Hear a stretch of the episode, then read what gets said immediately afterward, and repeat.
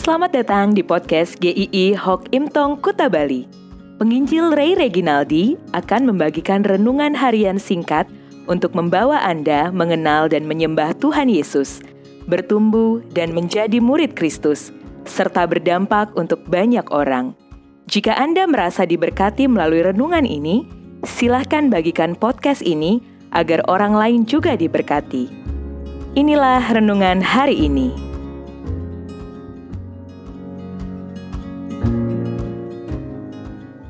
Bagaimana mungkin diam saja?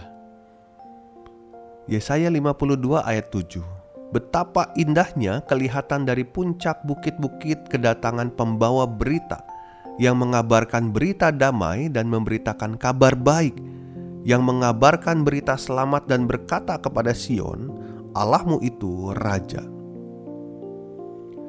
Seandainya ada sebuah jalan yang ditutupi dengan kabut yang pekat dan di depannya ternyata ada jembatan yang terputus. Di bawahnya ada jurang yang begitu dalam, dan Anda mengetahui hal itu. Apakah Anda akan berdiam saja, atau memberitahukan kepada orang-orang yang akan lewat ke sana?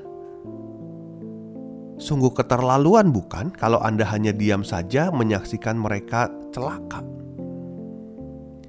Pernahkah berpikir seperti itu juga tentang berita keselamatan di dalam Tuhan Yesus? Anda tahu kalau orang tidak percaya kepada Tuhan Yesus akan mengalami kematian kekal, tetapi kita enggan untuk mengatakannya. David Platt dalam bukunya Follow Me mengatakan, "Bagaimana mungkin ada orang Kristen yang bisa tetap tinggal diam dan duduk santai?" sementara keluarga, kawan, tetangga, rekan kerja, dan kenalan mereka sedang berjalan mendaki bukit menuju kegelapan yang paling gelap. Yesaya 52 ayat 7 mengatakan betapa indahnya kelihatan dari puncak-puncak bukit kedatangan pembawa berita yang mengabarkan berita damai dan memberitakan kabar baik yang mengabarkan berita selamat dan berkata kepada Sion, "Allahmu itu raja." Ini adalah gambaran sukacita yang lahir di dalam kesesakan. Kita gambarkan seperti ini. Waktu orang Israel dalam keadaan mengenaskan, penuh kesuraman, waktu waktu yang tidak pasti. Para penjaga ada di reruntuhan tembok Yerusalem Kemudian mereka melihat dari arah pegunungan seorang utusan berlari dengan senyum di wajah dan dengan suara yang lantang berkata, "Kabar baik, damai dan selamat Allah memerintah."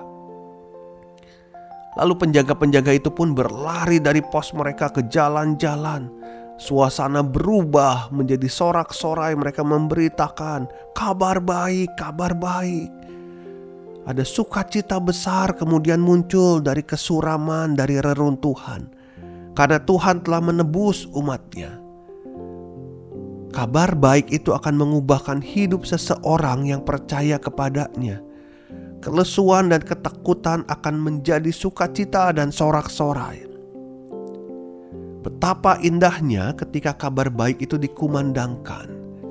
Injil bukan berita recehan, tetapi berita yang penuh kekayaan sukacita. Semua manusia pada dasarnya sama, semuanya berdosa. Tidak ada yang bisa menyelamatkan dirinya sendiri. Akibat dosa itu tidak pernah merasa puas, tidak bisa menerima diri, penuh ketakutan, dan lain-lain. Dan ujungnya adalah kematian kekal. Mengenaskan, bukan? Tetapi kabar baiknya adalah Tuhan Yesus itu sudah datang mati di kayu salib, menanggung hukuman kita, supaya setiap orang yang percaya selamat. Ini kabar baik, ini harus diberitakan. Maka beritakanlah ini kepada orang tua, kakak, adik, anak-anak, cucu. Beritakanlah kepada sahabatmu, kepada teman medsosmu, kepada rekan kerja di kantor, banyak hal yang bisa kita lakukan untuk membawa kabar baik ini. Pakai IG-mu, TikTok, teruskan kembali berita Injil melalui WA, Line, dan lain-lain. Betapa indahnya pembawa kabar baik. Jangan sampai kita hanya simpan sendiri. Bagaimana mungkin kita menyimpan berita yang sungguh baik ini?